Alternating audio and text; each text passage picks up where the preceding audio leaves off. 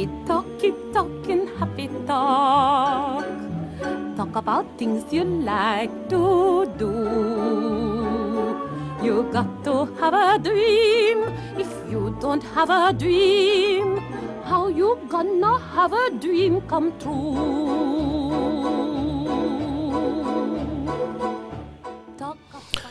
Moon. Komiði sæl, uh, ég heiti Vilmundur Hansen og velkomin í þennan fyrsta hlaðvarps þátt ræktaði garðin í samvinni við hlöðuna uh, hlaðvarp uh, bændablasins.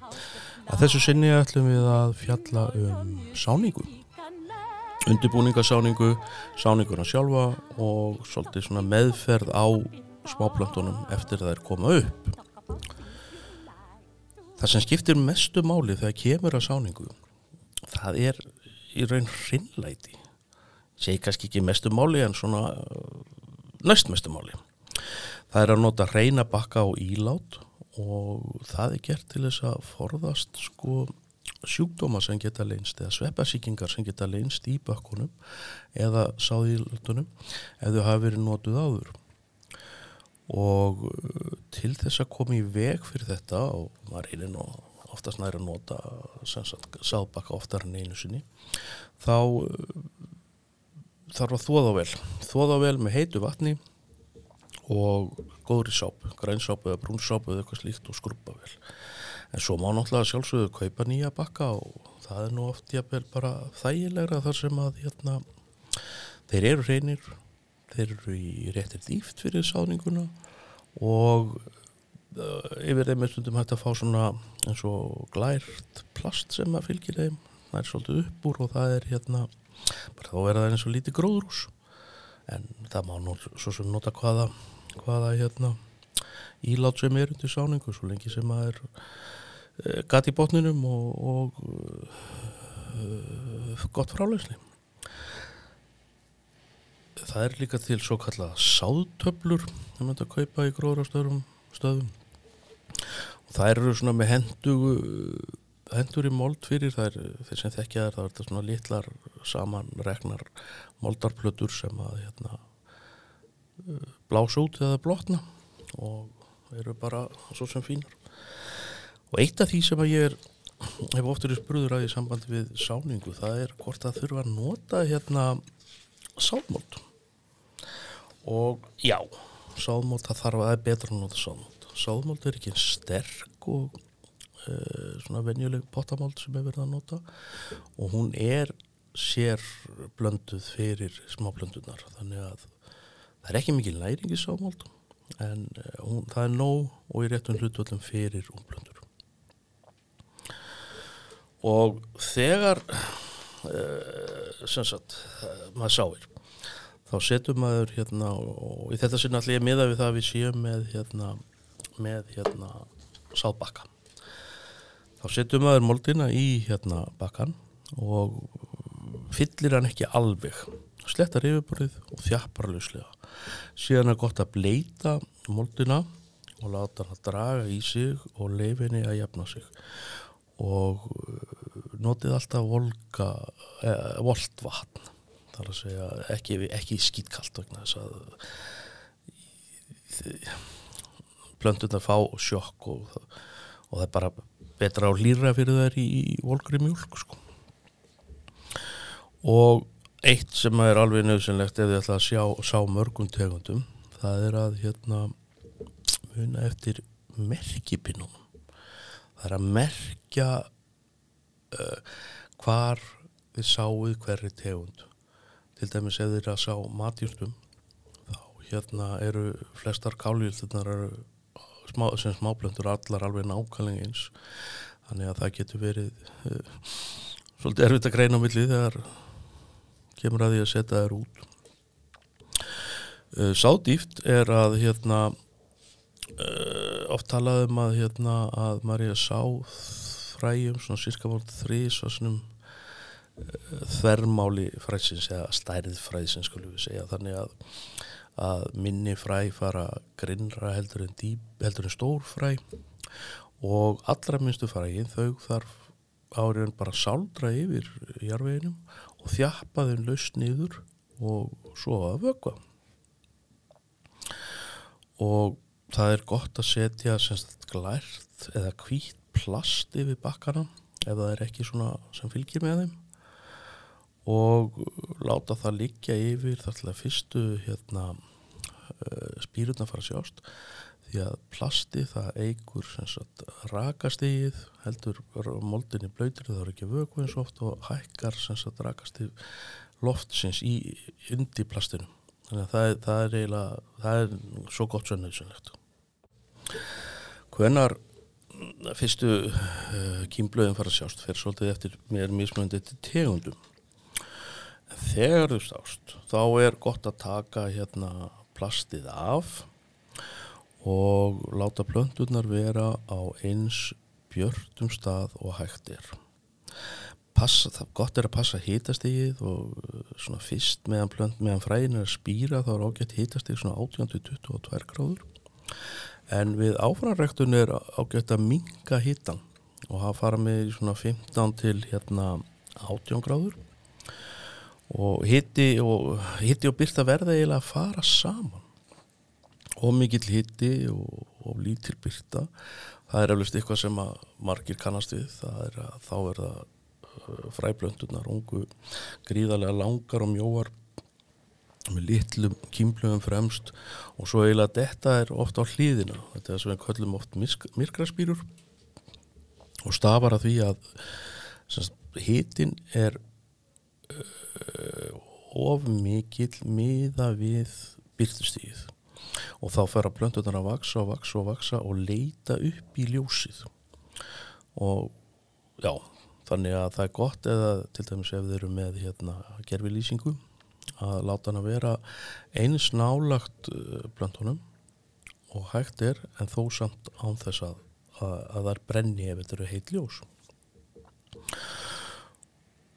Og svona það er ágætt að líka að venja sig á að vögva Já, úða segi ég hérna í kringum plönturnar svona með þær ungar, kannski ekki beint áðar heldur svona í kringu þær til að hækka hérna hittastíð og þegar plönturnar eru farnar að koma á legg þá er allt til að gefa örlittla blöndu af glæði eða maxikropp er eitthvað fljótandi ábyrði og það er til að auka þær hérna til að styrkja plönturnar þannig að er já, fái aðeins svona ábramlötu áðurinn áður er umplottað í venjulega gróðum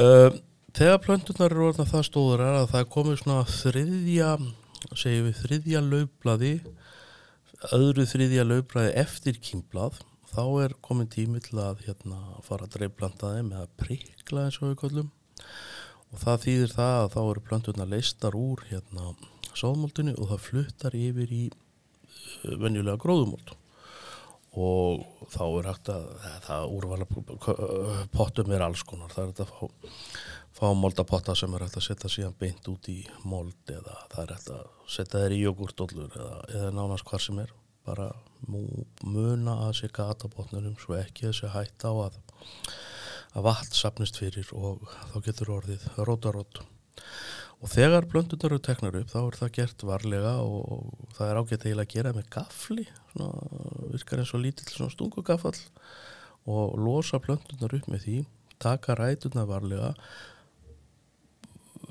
upp úr moldinni og gæta þess að hérna að gatið eða gatið, hólan sem þið búið til með blíjandi eða priklipinna eða eitthvað slíkt að það sé nógu stórt til að taka við þessum litla rótarnaus og þannig að hann kuðlist ekki saman. Það er gott að ræturnar séu fáið sem sitt rými og íta þá frekar í kringu þær og þau skulle ekki, ekki setja plöntuna neitt dýbra heldur en hún stóð. Og svo er bara býða og býða, þetta er svolítið að hérna að veðri ferður nú gott til þess að setja þær út og um, í flestum tilvægum þarf að, hérna, að, að, að herða plöntunar eins og sagtir.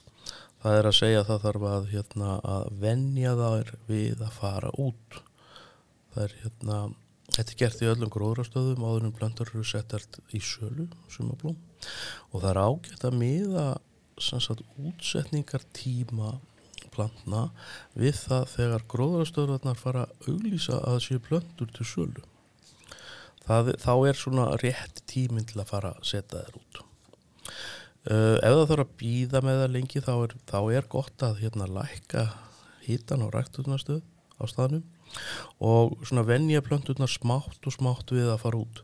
Byrja því að setja þér út kannski í bökkunum eða potunum í 2-3 tíma á dag þokkalega góðan stað, það er ekki að vera alveg beint í hérna í bytni sól svo lengja smátt og smátt hversu lang, lengi plöntuna verða úti. Og þeir sem hafa möguleiki að vera með vermir eitt þá það er náttúrulega mjög gott eða hvort sé þetta breyða yfir plöntunar agriðdúk svona það gerist mjög kallt og eitt sem að sérst það sem sérst á plöntum er að hérna þegar það verður mjög kallt þá verður það bláar. Það kemur svona bláleitur blær á blöðin og við segjum að þeir séu sko bláar að kulda. En ástæðan fyrir þessu er að þegar við svona kælingu þá mingar hérna fósfor upptakablandana og það veldur því að blöðin verða svolítið bláleit. Það þarf ekki að vera fósfor skortur í jarfiðinum heldur er það bara sem sagt hérna uh, já, kuldin sem veldur í. Og svo er bara að setja blöndnar út og leifa þeim að vaks og dapna og blómstra og vera fallegar í sumar og svona ef við tökum þetta svona saman aðeins að hérna, eftir útplöndun þá er uh, hérna yfirleitt helsti helstu místíkin þar að planta og þétt þá fá, fær hver og einn planta ekki að njóta sín. Að planta og snemma eða og seint planta í ómiklum skugga. Lélegur undirbúin í jarfis það, það er líka verið að passa það vel ekki að vögva of mikið og heldur ekki lítið. Og passa sig á því að gefa ekki of mikið áburð því of mikið áburður er í raun uh, já, jafnslæmur er ekki verri heldur en að hérna, heldur en hérna of lítill. Og hvað hérna verður að gæta meira, jú það er að spýruna tími mismunandi tegunda er ólíkur og uh, það eru til tegundir sem þarf að sá núna, byrja bara núna í, byrja í januar og það eru til dæmis rauðar stjúpur og eitthvað fúksjur ef mann rétt og hérna bellis uh, fjall og eitthvað fjólur. Mann er nú ekki alveg en þetta verður nú það er nú auðvelt að komast yfir lista yfir þetta inn á hérna rættaðagarðin en svona almennt má segja að flestum tegundum bæði sumablóma og matjúrta er sáð í mars eða byrjun april og til þess að tryggja sáningu þá er best að sá hérna semst klára ekki allt fræbrifið sáiði kannski sáiði tvísasinnum með hálfsmánaða millibili.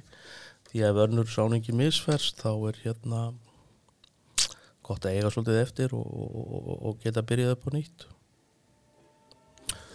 þetta er það sem er dettur nú í hug svona í, núna í fyrsta skiptið í uh, þessu fyrsta rappu okkur um sáningu. Það er hérna eflust hellingur sem, ég, sem að uh, mætti segja meira við látum þetta duga í billi og takk fyrir að hlusta. How you gonna have a dream come true talk about the moon floating in the sky, looking like a lily on a lake. Talk about a bird learning how to fly, making all the music he can make. Happy talk, keep talking happy talk. Talk about things you like to do. Have a dream. If you don't have a dream, how you gonna have a dream come true?